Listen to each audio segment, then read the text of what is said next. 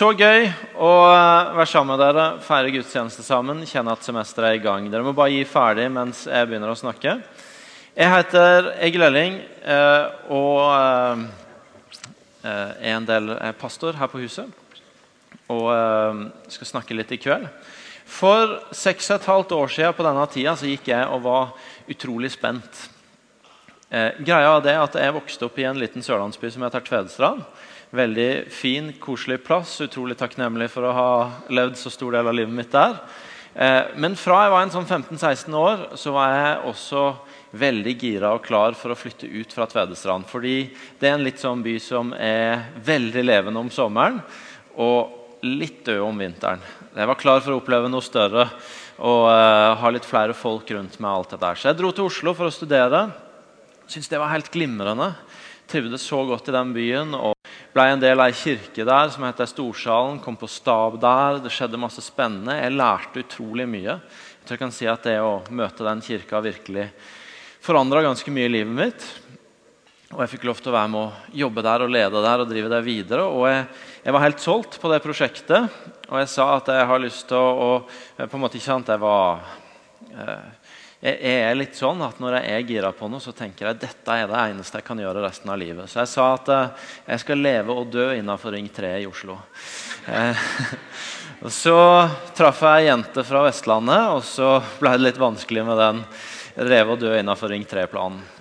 Men jeg ga den ikke opp med en gang. Jeg tenkte at hun kommer nok til å skjønne at Oslo er stedet. Eh, hvis hun bare fikk litt tid på seg. Så jeg skjøv det litt foran meg. Jeg satte riktignok et jeg husker ennå, Vi satt på trikken opp til Kjelsås. Var, vi hadde bare vært sammen noen måneder. hvor Jeg snudde meg til Hildegunn og sa hun er da fra Bømlo og veldig glad i Bømlo, at eh, hvis du bare kan bo på Bømlo, så kan du like gjerne si det med en gang, for da er det ikke noe vits i at vi to fortsetter. så hun fikk kabinettspørsmål og eh, torde ikke å si noe annet enn at hun skulle klare noe annet. Eh, og så tenkte jeg at det med Oslo kom sikkert etter hvert. Men det gjorde det jo ikke. Og så... Eh, våren for da seks og et halvt år siden så hadde jeg en prat med en som heter Halvor, som leder Impuls her på huset. Og eh, ingen av oss hadde planlagt det. Vi satt bare og drakk kaffe i Kristiansand og prata. Og, eh, han var formann i ungdomskoret hjemme når jeg vokste opp, så jeg kjente han derfra. Og så oppsto det i den samtalen en prat om eh, hva om hva om vi flytta til Stavanger og ble en del av IMI? Og Ingen av oss hadde tenkt på det, og jeg gikk ut av den samtalen og tenkte det var spennende, men uh, tenkte ikke så veldig mye mer på det. Halvor han tenkte åpenbart litt mer på det, for han ringte opp igjen dagen etter og sa du, nå har jeg snakka med Martin, det kan godt hende det er mulig. det. Så han handla på det. Og så den samme sommeren, da, litt stund senere, så traff jeg Martin og Irene, som har leda denne kirka. For de av dere som er nye, dere skal få møte de etter hvert. Akkurat nå er de i Kambodsja, men de har leda denne kirka i 34 år. Eh, og vi hadde en veldig god prat. Og, så var det som om noe skjedde inni både meg og Hildegunn som gjorde at der vi bare noen måneder tidligere hadde hatt en forespørsel om å komme til Stavanger for å jobbe med noe annet som hadde med kirke å gjøre, og brukte en halvtime på å si nei, Stavanger, dit skal vi i hvert fall ikke. Så var det nå et eller annet som begynte å rulle inni oss og inni meg som gjorde at det var mulig å se for seg et liv utafor Ring 3. Og som gjorde at faktisk det ble sånn at uh, vi bare visste at vi skal til Stavanger, vi skal til IMI. Uansett om det blir en jobb å få der eller ikke. Om, om uh, jeg må reise fra 6,5 år med teologistudie og ta meg en vanlig butikkjobb, men bli en del av denne kirka, så drar vi. For det, det er bare som Gud gjør noe i oss, og vi skal dit.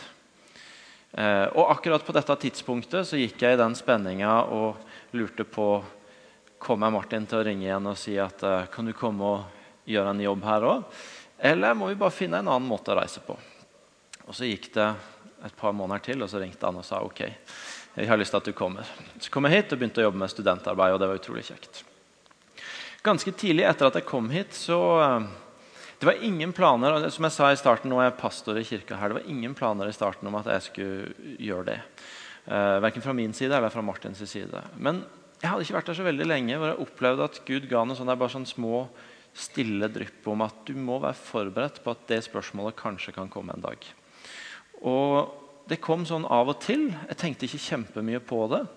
En dag så gikk jeg husker jeg gikk fra bilen min det var mens det ikke var kommet ny Oilers Arena. så jeg stod parkert der borte. Gikk bort til kontoret mitt her. Og, eh, og, så var det som om Gud bare ga den innskytelsen igjen. Du må være forberedt på at kanskje blir du en dag spurt om å være pastor i denne kirka. Og Så kom jeg på kontoret og så skal jeg ha en prat med Martin. Og så går han egentlig bare etterpå og sier at uh, jeg trenger at du kan være klar til å være pastor i IMI når tida er inne. Og jeg hadde jo hørt Gud hadde jo gitt meg en sånn innskytelse på det like før. Så jeg var jo da bare litt sånn Å ja, ja, ja det var jeg forberedt på. Ja, men det er greit. sånn at jeg faktisk, når jeg kom inn på kontoret mitt, så tenkte jeg hm, Martin har vært pastor her i 30 år, og så spør han deg om å på en måte eh, gå inn og lede noe som han har brukt 30 år på å bygge, og du sitter bare der og ja, hm. Kan hende du skulle vist litt mer entusiasme. Kan hende det føltes som en litt sånn Så det var på det punktet at jeg måtte gå inn til han igjen og så si du det er en ære. Det er en ære. og så har ting skjedd etter det. Hvorfor forteller jeg dette? Jeg forteller i hvert fall ikke for at du skal høre at uh, hvis du ikke liker at det er pastor her, så må du bare tie stille fordi Gud har sagt det. For det trenger du ikke tenke. Jeg tror jeg har hørt det fra Gud, men jeg kan aldri vite det, så du har lov til å tenke hva du vil om det. Men jeg forteller det for å uh, bare gi en historie om en Gud som leder, for det har jeg lyst til å snakke litt om i dag. Jeg har aldri hatt noen strategi verken om å flytte til denne byen, jobbe i denne kirka eller bli pastor. I, jeg hadde helt andre drømmer enn å bli pastor eh, veldig lenge. Eh, og det at jeg endte opp her, er ikke fordi jeg planla det eller fordi jeg hadde en strategi på hvordan jeg skulle komme dit, men fordi Gud på noen punkter leda og hviska noen ting i øret. Og ettersom en gikk på det, så tok livet en retning. Eh, og holder jeg fortsatt på å ta en retning og skal gjøre det i mange mange år. Og Jeg har lyst til å snakke litt om det i dag, å være leda av Gud. Det er en historie til jeg vil fortelle i starten, som noen av dere har hørt del én av, fordi jeg har fortalt den her noen ganger, eh, men som fikk en ny del i sommer. Det er historien om Roger. For litt over ett år siden var Eirik, som dere har møtt, møtt som har leda gudstjenesten nå. Han var på en festival som heter Encounter. Utrolig bra festival i Levanger hver juni. Og Der møtte han en fyr som gjorde at han sendte meg en tekstmelding i fjor juni, hvor han fortalte at han hadde møtt en kar som heter Roger, som fortalte at han hadde hatt et ganske strabasiøst liv eh, med rus og med kriminalitet. Og eh, Eh, han hadde på ett punkt møtt Jesus, men så hadde ting begynt å stupe litt utover igjen. og Han, eh, han hadde både havna inn i stoff igjen og kriminalitet igjen. Og På ett punkt så var han i Stavanger og sa sjøl at han var med og bygde hus for en drugdealer i Stavanger. Og så en dag, eller Planen hans etter at han har gjort det, er at han skal gå på en båt som skal ta han til Karibien. En dag han er i byen, godt rusa. Så møter han ei dame som er på bønn på gata med Imi. Ei vanlig dame fra Imi som er, er, ute og ber for folk. og Hun treffer han, og hun ber for han, og så hun han, opplever hun at Gud gir hun et ord til han, hvor hun sier og Hun visste ingenting om situasjonen hans, men hun bare sier det er som om Gud viser meg at du er på vei til å gå på en båt. Og den måten, båten må du ikke gå på. Det kan komme til å koste deg livet. Men du skal gå på en annen båt og blir tatt til ei øy et annet sted. Så han går ikke på den cruisebåten, men han venter og lurer på hva som skal skje. Og Så blir han invitert av en annen kompis til å bli med på en reise til Nord-Norge og til ei øy der, som han ender opp på. Og Der kommer han til å tro på Jesus igjen. Over tid så blir han rusfri. Han har begynt et nytt liv med Jesus som har vart nå i eh, over fire år. Eh, Utrolig inspirerende. Ja.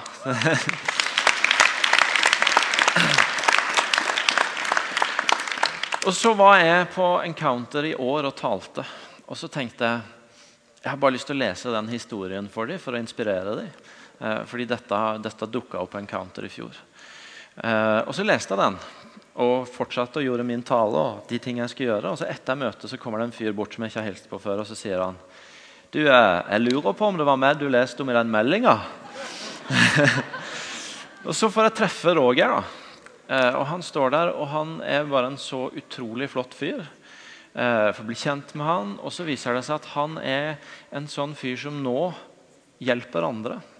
Han kan fortelle mer konkrete historier om hvordan han har bl.a. redda en fyr som var på vei mot å ta selvmord, og som han bare ga seg sjøl til over ei god tid. Og som nå er kommet tilbake til familien han var på flukt fra. Ikke er suicidal lenger. Har begynt så smått å lukte på Jesus og har et, begynt på et nytt liv. Lukte på Jesus i overført betydning, da. Um, og han hadde andre sånne historier. Det som fascinerer meg aller mest, og grunnen til at jeg trekker det fram, er at vi vet ennå ikke hvem den dama som ga det ordet til Roger var. Vi trodde det var Anne, så jeg prøvde å sette opp Anne og Roger i sommer. Ikke sånn sette opp, men bare la de møte hverandre. og så eh, Men ingen, det var liksom Ingen av de kunne si at 'nei, vet ikke om det var de', vet ikke om det var hun. Så vi vet ikke hvem det er. Så det går et eller annet menneske rundt i Stavanger, kanskje i denne kirka, og har blitt leda av Gud. En helt vanlig dag, en helt vanlig uke i Stavanger for, år, for noen år tilbake, fire år tilbake. Og møtte en fyr som var ganske Han sier selv han var så rusa at han klarer ikke å huske alt. Og gitt han et ord fra Gud som ble starten på en helomvending i hans liv og som nå lever videre i neste generasjon fordi han er med på å bringe endring i andres liv. Og Den som har gitt det ordet, hun har egentlig, hun har kanskje hørt historien, men nå vet jeg at det var hun som gjorde det. Og Jeg har lyst til å snakke litt i dag om det å være ledet av Gud i vår hverdag. Og hvordan det ikke alltid handler om å være så strategisk, om hvordan det ikke alltid handler om å vite hva utfallet blir. Om hvordan det ikke alltid handler om å kalkulere, men hvordan det handler om å la seg lede. Tørre å gå på innskytelser en får, og kanskje ikke før lenge etterpå vite hva det blei av det, og om det blei noe av det i det hele tatt. Bli med meg inn i en tekst i Johannes 5. Eh, hvis du har Bibel, så kan du slå opp i Johannes 5 fra vers 1. Der møter vi Jesus ute eh, blant folk. Det står fra vers 1. Etter dette kom en av jødenes høytider, og Jesus dro opp til Jerusalem. Ved saueporten i Jerusalem ligger en dam som på hebraisk heter Betesta. Den er omgitt av fem bueganger. Der lå det en mengde mennesker som var syke, blinde, lamme og uføre. De venta på at vannet skulle komme i bevegelse, for en engel fra Herren steg fra tid til annen ned i dammen og rørte opp vannet. Den første som steg ned i dammen, etter at vannet var blitt rørt opp, ble frisk uansett hvilken sykdom han hadde. Merkelig setup. Altså Her ligger det masse syke mennesker som ikke, ikke har noe behandling å gå til, som lever et par tusen år tilbake i forhold til helsevesen og sånne ting, og som ikke har så mye håp. Og så ligger de altså rundt en dam hvor det, hvor det av og til skjer noe helt merkelig. Nemlig at det kommer en engel fra Gud og rører i det. Og førstemann som kommer i vannet, blir frisk. Og Når folk leser denne teksten, så er det ofte litt sånn variert hva en hører når en leser det der. Noen leser fantastisk. Gud gjør et mirakel og gjør et menneske frisk. Andre leser himla urettferdig. Her rører Gud opp vannet så én blir frisk, mens alle de andre blir liggende syke igjen. Og jeg skal ikke si i dag at du må velge en av måtene, fordi spørsmål er ikke farlig. Det er helt greit å ha spørsmål til hvordan Gud er, og hvem han er. Det er helt greit å spørre om det var en merkelig måte å ordne det på Gud. Sånne spørsmål har vi. Akkurat nå så utfordres også vi i denne menighetsfamilien av alvorlige sykdomsting som vi bare tenker Hvorfor er det sånn, Gud? Og Det er ikke farlig. Det er lov å stille de spørsmåla. Men hvis en historie om at én blir frisk, blir til en historie i stedet blir til en historie om alle som ikke ble friske, så har vi et problem. Så det er, å, det er alltid lov å stille spørsmål. Men det er alltid ok å være utfordra.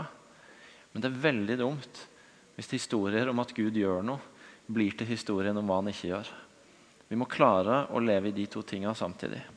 Og Her er det et bilde som kan synes rart for oss, men som altså forteller om hvordan det er mange mennesker som ikke har noe annet håp enn at Gud skal gripe inn. Og så venter de for å se om det skal skje noe igjen snart. Og så skjer det noe. Det var en mann der som hadde vært syk i 38 år. 38 år er utrolig lenge. Jeg har levd i 34 år. Ennå fire år igjen. 38 år og er syk, alvorlig syk. Det er lenge. Jesus så han ligge der og visste at han hadde vært syk lenge, og sa til han, 'Vil du bli frisk?' Det var ikke han som kom til Jesus, det var ikke han som fant Jesus, men det er Jesus som kommer til denne mannen og stiller han et veldig direkte spørsmål. Han er syk, han har vært i 38 år, og så kommer han og sier, 'Vil du bli frisk?' Og Så svarer mannen, den syke svarte, 'Herre, jeg har ingen som kan få meg ned i dammen når vannet blir rørt opp.' 'Og når jeg kommer fram, så går alltid en annen uti før meg.'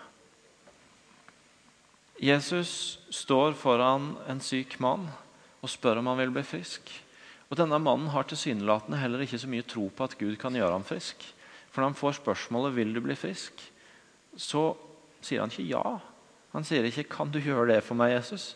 Men han begynner å snakke om hvorfor han ikke kan bli det. Han har ikke noen mulighet til å komme seg ned i dammen. Han har ingen som kan hjelpe han. Så dette er ikke en historie om en mann som kom full av tro til Jesus i håp om å bli frisk. Men det er historien om, som, nei, om, Jesus som kom til en mann som ikke hadde noe tro på Jesus. Og allikevel, skal vi se, gjorde han frisk. For det står Da sier Jesus til han, stå opp, ta båra di og gå. Og Straks ble mannen frisk, og han tok båra si og gikk. Fordi om det var denne mannen ikke kom til Jesus, fordi om han ikke var full av tro, så kommer Jesus til han og fordi om han ikke får det svaret som han sikkert kunne ønske seg Ja, jeg vil bli frisk.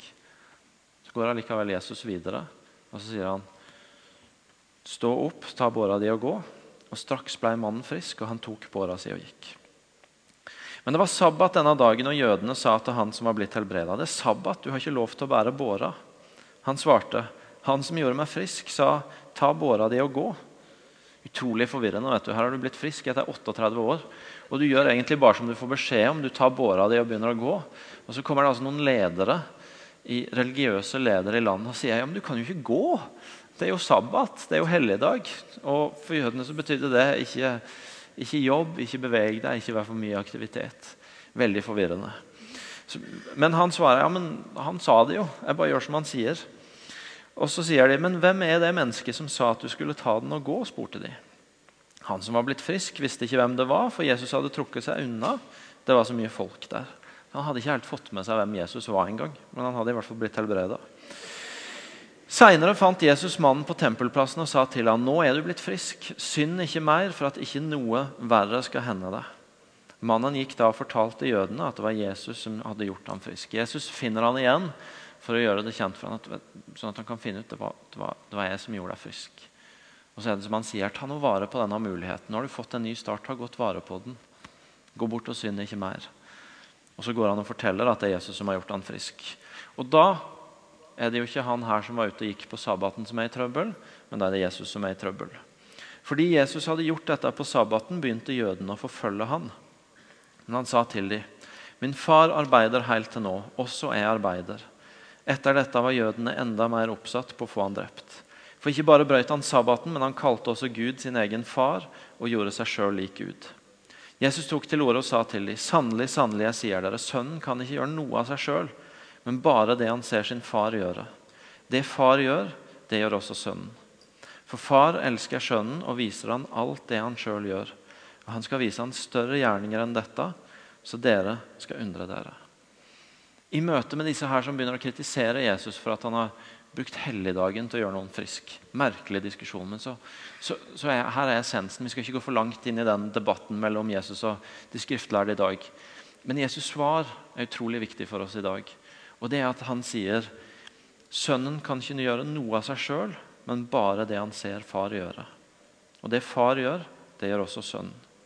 For far elsker sønnen og viser han alt det han sjøl gjør. Han skal vise han større gjerninger enn dette, så dere skal undre dere. Jesus sier, vet du noe, jeg, jeg gjør ikke dette for moro skyld, jeg gjør det ikke i egen kraft, jeg gjør det ikke bare fordi jeg kom på det, men jeg gjør det fordi Gud viste meg det. Fordi Gud leda meg inn i noe, og jeg handla på det min far i himmelen, Gud sjøl, viste meg. Derfor gjorde jeg det. Og så synes jeg det er litt kult at han har sagt like før Min far arbeider helt til nå. Derfor jobber jeg også.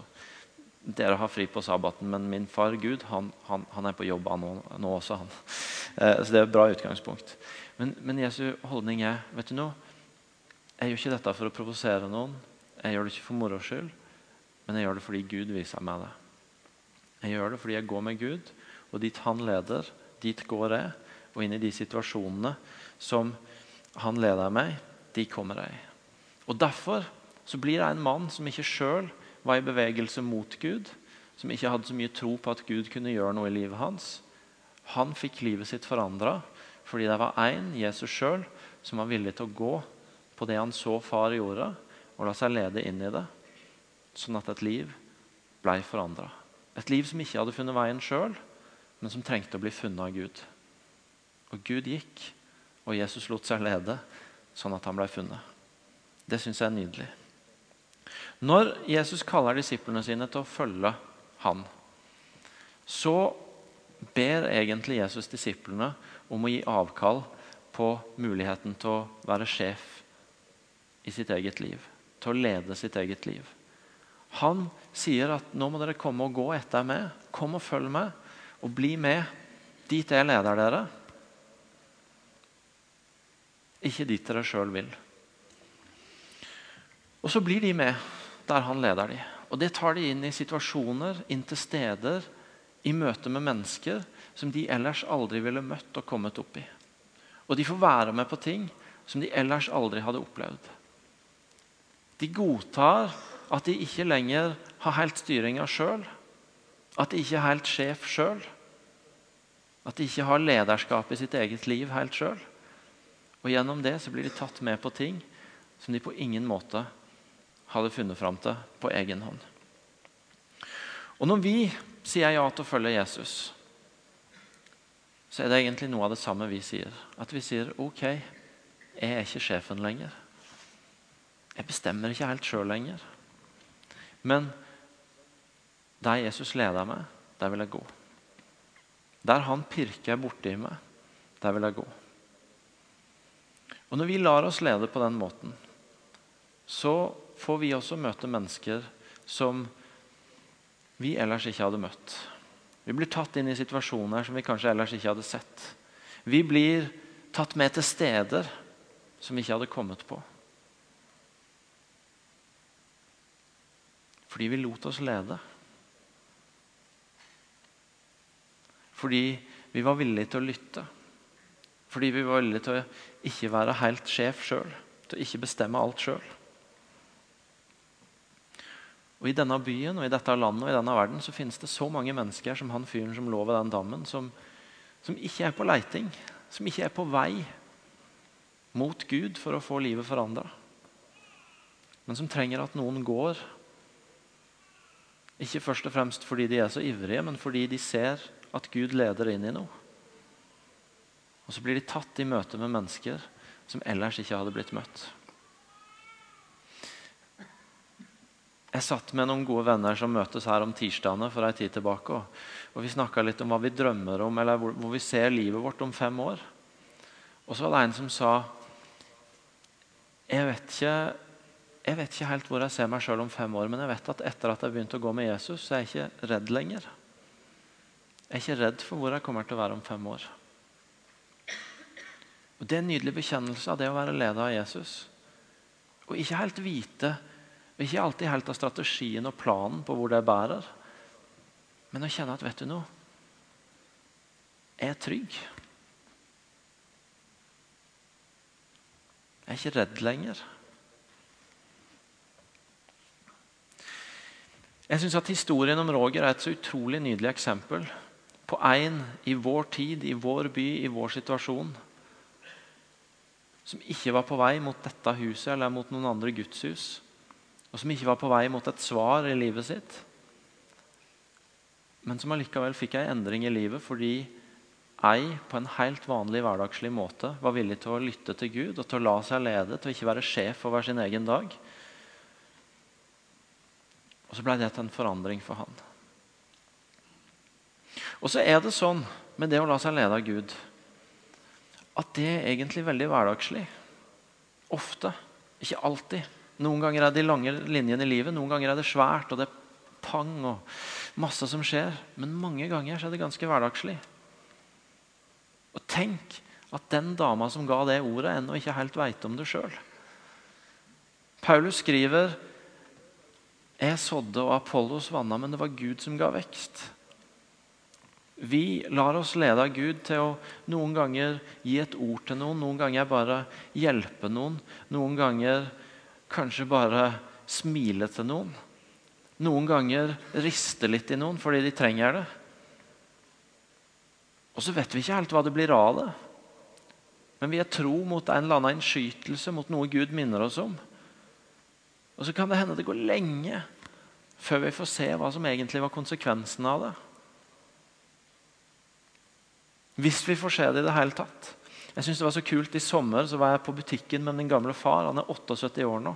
Han og mamma hadde forresten 50 års bryllupsdag i går, så da har de levd ei stund. Det er bra respekt for dem, altså. Og så, um, og så ble jeg stående der med han, og så, og så um, kommer det en fyr bort som har vært elev på folkehøgskolen han var lærer på i 1980. Det er lenge siden.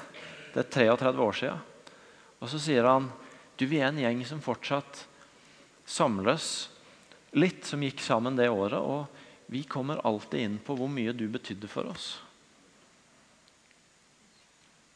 Pappa hadde ikke snakka med han siden han gikk på skolen. 33 år. Så får han en sånn derre Du aner ikke hvor mye du betydde for oss. Og noen ganger i kristne settinger, og for de av dere som ikke har så mye historie på det, dere får bare trenger ikke forholde dere så mye til det, men noen ganger så blir det historier i sånne kristne sammenhenger og kristne aviser og alle sånne ting om, om dette med at Gud leder og Gud taler og profetier og alt sånt. og I sommer så har det rørt litt på seg igjen. og jeg, jeg har ikke tenkt å kommentere det noe mer enn å si at noen ganger så blir de diskusjonene litt for langt unna praktiske hverdagen og det det egentlig handler om. Nemlig at når et menneske som Roger får et ord inn i livet sitt, så kunne det faktisk snu rundt på livet hans. Når mennesker gir ut av det Gud leder i, så kan det bety en kjempeendring i folks liv. Det er det det handler om. Det er det som er kraften i det. Jeg kan ikke rote bort det i diskusjoner, selv om vi godt kan ta diskusjonen nå. Jeg skal straks slutte, for jeg har holdt på en stund. Men jeg begynte dette semesteret jeg skal ha en historie til. Jeg begynte dette semesteret med å ha et par stilledager ute på Utstein pilegrimsgård. Eh, flott sted. Skrudd av telefoner og iPader og alt mulig. Og bare var stille. Ba til Gud. Leste Bibelen. Gikk tur. Og prøvde å få litt tak i Gud. Hva, hva, er du opptatt av for dette semesteret som ligger foran? Og Så var jeg ute og gikk, og så begynte det å regne noe helt sinnssykt. Og jeg hadde ikke tatt på meg regntøy. Det var veldig bløtt, og det lyna og tordna veldig. Og jeg gjemte meg under noen trær og tenkte det går kanskje snart over. Så sto jeg der under disse trærne da, og prøvde å ikke bli blaut. og tenkte litt, og så er det som om Gud sier hvis du, går, hvis du går ut i regnet og, og, ikke går hjem, ikke tar noen snarvei hjem, men du går den turen du hadde tenkt å gå Uansett hvor bløtt det er, så skal jeg tale til deg mens du går. og jeg tenkte ok, da får jeg gjøre det. Og så gjør jeg det. Og så begynner Gud å si noen, minne meg om noen ting som er viktig for semesteret som ligger foran. For noen år siden så hadde jeg en sånn opplevelse med Gud hvor det var som Gud sa til meg nå kan du velge Erling, om du vil gå dypere, om du vil bli en sånn passe, grei kristen gutt som, som er sånn ja, har det greit. Eller om du vil gå dypere med meg og la livet ha betydning. Og Det ble en sånn kjempe litt vond, men veldig god prosess òg. Hvor jeg var nødt til å si nei til en del ting som var veldig spennende og som virka veldig lurt å bli med på, og som ga meg mulighet for innflytelse og læring og vekst. og alt det der. Fordi Gud ville at jeg skulle gå til sida og bruke mer tid med Han for å gå dypere med Han og bli mer grunnfesta i troa mi og i vennskapet mitt med Han. Mens jeg går der i regnet, så er det som om Gud sier Nå har du en den opplevelsen du hadde da, om igjen. Bare at nå er budskapet mitt ikke at du skal gå til sida, men at du skal fortsette å gå rett fram. Og så skal jeg tale til deg mens du går. Og Ettersom det budskapet jeg har jobba med det i uken som har gått, så har jeg fått en fornemmelse av at det er et budskap til oss som kirke òg. At vi skal ikke bare øve oss i det som har med å gå til side og bruke god tid på å lytte til Gud sammen. Det skal vi, og det gjør vi ofte. og Vi skal ikke slutte med det. Vi skal bare gjøre det mer. Men jeg tror også han vil lære oss noe om det, hvordan det ser ut, og i enda større grad når vi går rett fram. Når vi går i hverdagen vår, sånn som den dama gjorde i Stavanger by. Og oppdage at vi møter Gud midt i det, fordi han gir oss en innskytelse. Han gir oss et ord. Han gir oss en ledelse som får bety noe i andre menneskers liv. Jeg tror Gud har lyst til å lære oss noe om det. Jeg tror Gud har lyst til å at du kan sette deg ned når ei uke er over og spørre Gud hvordan leda du meg denne uka. Og Så kan du finne noen sånne spor av at mens du gikk på jobben din eller i hverdagen din, så ga han deg noen innskytelser. Og så fikk du trene deg på å oppdage de og gå på de. Og så blei noen mennesker funnet. Sånn som Roger blei det, og sånn som mannen ved dammen blei det. Og sånn som det er mange mennesker i virkeligheten rundt oss som trenger å bli det. Så I dag så har jeg bare noen enkle spørsmål til oss som du kan få bruke tid på når vi skal be nå og tilbe, og som du kan få bruke tid på i uka framover. Og det mest grunnleggende er hvem er sjefen i livet ditt? Hvem leder deg? Jeg har en kompis som, som sa til meg før sommeren, etter å ha opplevd en del tøffe ting Jeg, jeg har oppdaga at jeg, jeg fungerer ikke så godt på sjølstyr. Og det gjør ikke jeg heller. Å gå med Jesus er å faktisk si at det er en annen som leder livet mitt. Å leve i den store historien, i Guds historie, er å godta at det er en annen forfatter av historien enn oss sjøl. Hvem leder livet ditt? Og så, helt praktisk, åssen ser det ut for du? Hvordan, hvordan taler Gud til deg? Hvordan ser det ut for du å stoppe opp for sånne innskytelser? Som kan bli et frø som noen ganger blir til et forandra liv og noen ganger til noe du ikke ser konsekvensen av før lenge etterpå.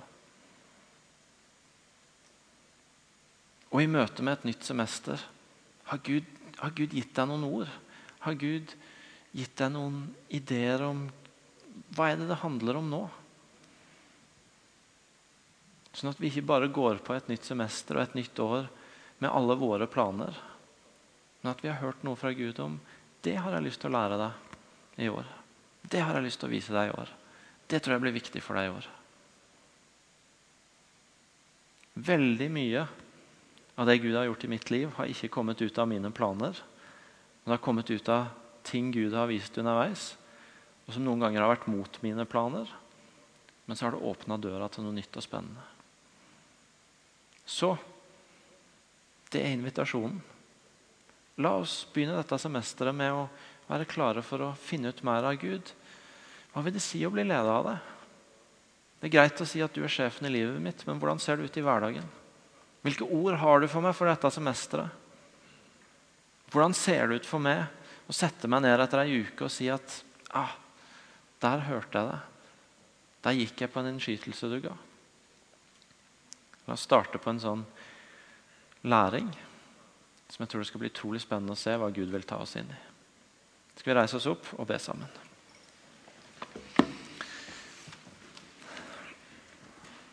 Jesus, jeg er så utrolig glad for at du er en som finner mennesker som ikke leter etter deg. For i det ligger det så mye håp. For meg og for oss her inne og for den verden vi er midt i.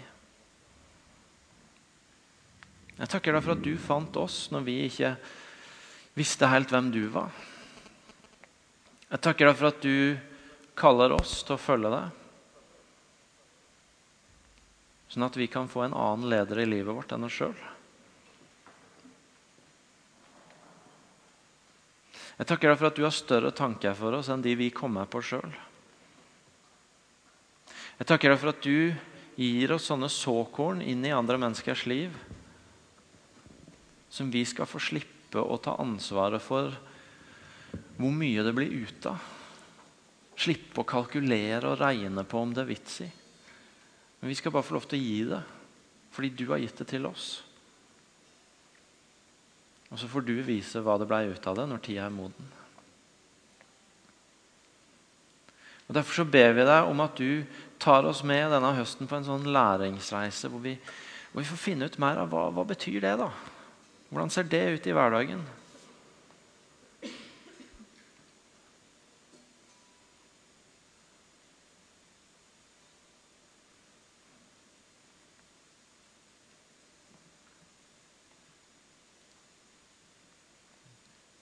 Jeg har lyst til å be deg akkurat nå når vi er litt stille om at du kan tale til den enkelte her inne som, som ikke helt vet hva høsten som ligger foran, handler om. At du kunne gi ett ord eller noen ord som begynte å gi retning for hva du har lyst til å gjøre dette semesteret.